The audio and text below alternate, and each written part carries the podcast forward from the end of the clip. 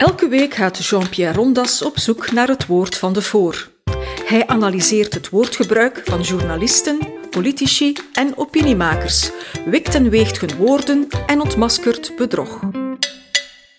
Beste luisteraar, mocht iemand me de catechismusvraag stellen: wie of wat is iemand met roots? Dan zou mijn incorrecte antwoord onmiddellijk luiden: iemand met roots is iemand met een vage of artificieel geconstrueerde herinnering aan plaatsen en culturen die hij niet kent, waar hij nooit gewoond heeft, waarvan hij de taal niet kent en waar hij niet van plan is terug te keren. Het woord terug is er zelfs te veel aan, want hij is daar niet eens geboren. Misschien is het daarom dat men het anglicisme roots gebruikt in plaats van wortels, want zo iemand heeft gewoon geen wortels in zijn imaginaire land. Niet geworteld hier, niet geworteld daar, ontworteling alom. Wie roots zegt, bedoelt eigenlijk ontworteling. In den beginne was er de ontworteling, dan pas kwamen de wortels en de roots. Toch levert mijn zoekmachine als ik roots in deze betekenis opzoek, me op welgeteld 1,07 seconden meer dan 382 miljoen resultaten. Elke dag word ik in krant en op webstack met zinnen geconfronteerd, zoals Brussel, waar 60 of 70 en morgen 80 procent van de bevolking andere roots heeft. Of, uit een andere context, migranten voelen zich stadsbewoner, Vlaming of Belg, maar behouden tegelijk hun roots en verbondenheid met het land van herkomst. Of nog, je eigen culinaire roots herontdekken is de meest sympathieke en leukste vorm van patriotisme. Aan het woord is Abdelkader Ben Ali, die samen met zijn vrouw een kookboek had uitgegeven. En in dit geval ging het wel degelijk om Marokkaans patriotisme, geen Nederlands. Maar ook de autochtonie kent haar roots, in de spelling roots, met OE bijvoorbeeld. Dat is de naam van een historische kalender, uitgegeven en verdeeld door het Davidsfonds, die bij elke dag een korte historische notitie levert en bij elke week een langer verhaal van Ivo Michiels over Patrick Sercu tot de Damesvrede van Kortrijk van 1529. De wervende tekst luidde vroeger omdat de roots Vlaanderens geheugen is. De kalender van volgend jaar 2022 zegt dat deze kalender het geheugen van de lage landen opslaat. Dat is weer een ander verhaal, maar hoe dan ook, roots in het Engels en roots in het Nederlands figureren duidelijk samen in de herinnerings- en in de geheugenproblematiek. En dat ze zo heten, komt door een roman uit de jaren 70. Inderdaad, de Roots hebben over de hele wereld ingang gevonden door het megasucces van de roman uit 1976 en de achtdelige televisieserie van 1977 Roots van de Amerikaanse auteur Alex Haley, die zijn wortels is gaan opzoeken in het West-Afrikaanse Gambia. Hij beschrijft de geschiedenis van zijn Afrikaanse voorvader Kunta Kinte, die in 1767 door een vijandelijke stam aan blanke slavenhandelaars werd verkocht en naar Amerika verscheept, waar hij terechtkwam op plantages in Virginia en Carolina. Deze Kunta Kinte heeft zich samen met zijn kleinzoon Chicken George in het Amerikaanse en zelfs Europese televisiegeheugen vastgezet. Wie deze serie heeft gezien, vergeet deze personages nooit meer. Die twee zwarte mannen zijn als het ware tot onze roots gaan behoren. Alex Haley, auteur levende in de 20ste eeuw, kent hun wedervaren tijdens het einde van de 18e eeuw.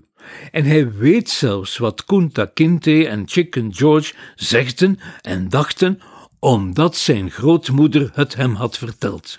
En zij had het weer van haar grootmoeder, zodat die jongste grootmoeder gemakkelijk zes generaties kon overbruggen. Dan is hij dat allemaal nog eens gaan checken in Gambia zelf, waar hij het dorp opzocht waar Kunta Kinte vandaan kwam, en de plaatselijke griot zijn verhaal liet doen. Griotten, le griot, zijn West-Afrikaanse troubadours en hofdichters die de geschiedenis levendig houden door ze zingend verder te vertellen. Haley is dus op het spoor van zijn roots gekomen door middel van oral history, het uitvragen van getuigen en beroepsherinneraars die hem het skelet van zijn narratieve identiteit leverden. De rest, het vlees aan het been, vulde hij zelf in Enerzijds door opzoekingswerk in de archieven van de slavenhouderij in de States in de 18e en 19e eeuw, maar anderzijds ook met behulp van zijn schrijversverbeelding. Hoe hij aanvoelde dat het moest gegaan zijn, hoe deze levens zich gedurende die zes generaties hadden afgespeeld. En daarom sprak hij niet van fiction, maar van faction. Hij stond erop dat zijn deels fictionele reconstructie wel degelijk op waarheid berustte. Jammer genoeg voor hem kwamen er drie kinken in de kabel van zijn wedersamenstelling. Ten eerste bleek al snel dat de griot in Gambia, die door Haley werd aangesproken, perfect aanvoelde wat Haley wilde horen. De griot leverde gewoon het gewenste verhaal, een situatie waarmee elke antropoloog af te rekenen kreeg en krijgt. Het verhaal over wie Haley was werd geleverd door iemand die vertelde wat Haley verwachtte wat hij was. Deze West-Afrikaanse griots zijn over het algemeen, net zoals wij zelf, nogal onbetrouwbaar in hun herinnering, wat de bruikbaarheid van oral tradition voor geschiedschrijving met ettelijke graden verlaagt. En dan nog, waarschijnlijk had Haley niet eens het juiste dorp gevonden. De tweede kink in de kabel had eveneens te maken met oral history, maar werd nu gelegd door Haley's vermeende Amerikaanse zegslui, die zich de slaventoestanden van zeg maar de omgeving van de hut van oom Tom, zogezegd levendig beweerden te herinneren. Historici hadden immers aangetoond dat er nauwelijks correlaties bestonden tussen de documenten van de plantages waar Conta Kinte of Chicken George zouden gewerkt hebben en wat Haley daar allemaal liet gebeuren. Later zou Haley trouwens aanspraak maken op een diepere waarheid. Maar de derde kabelkink was dodelijk.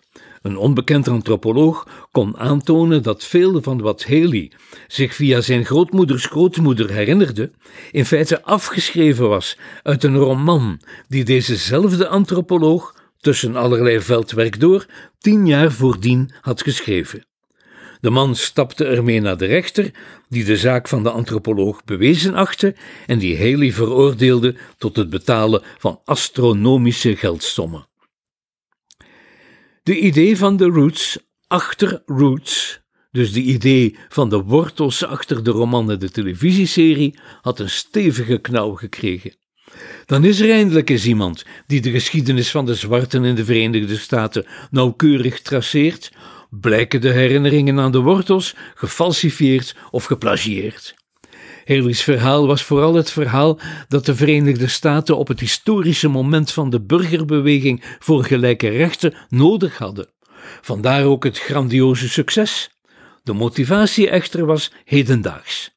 De voedingsbodem ervoor was de emancipatie van de zwarte waarbij Haley aan dat bevolkingsdeel een geschiedenis wou bezorgen die volgens hem alleen door oral history getraceerd kon worden. Was Haley een bedrieger? Ik twijfel. Had hij niet het gevoel kunnen hebben dat de waarheid zich langzamerhand aan hem ontvouwde, of in een ander taalregister dat de waarheid zich aan hem openbaarde, wanneer hij eindelijk eens enkele zwarte snippers verhalen en historie in een enorme puzzel van witte vlekken in elkaar kon schuiven. Voor zover Alex Haley eerlijk was of kon zijn, toonde hij met zijn omstreden succesverhaal wel aan dat hij met zijn roots in feite zijn diepste ik bedoelde, zijn ontologische heimat als het ware. En voorts blijf ik erbij dat eerst de ontworteling komt en pas dan de wortels in de vorm van een verhaal over ontworteling. Maar in de gedaante van roots liggen deze imaginaire wortels wel aan de basis van het multiculturalisme. En sinds een jaar of twee hebben ze zich nog versterkt gemanifesteerd in het wokisme van de wokes en in een decolonisatiebeweging die haar eigen contradicties niet kent. Daar is het al wortel wat de klok slaat. En zo kom ik uit bij het rootisme van Etienne Vermeers. Voor hem was een racist iemand die anderen in een vakje duwde omwille van hun afstamming en hun huidskleur. Maar een rootist, dat was voor hem iemand die, omwille van zijn kleur en afstamming eveneens, zichzelf in een vakje duwde. Een geval van autoracisme eigenlijk. Maar het is ook meer dan dat. Rootisme kan niet anders dan veronderstellen dat de cultuur in het bloed of in de genen zit. En daarom is het rootisme vlakaf een racisme zonder auto. Een racisme van het eigen ras. Van deze verwerpelijke opvatting zien we elke dag de nefaste uitwerkingen. Dit was een episode van Doorbraak Radio, de podcast van doorbraak.be.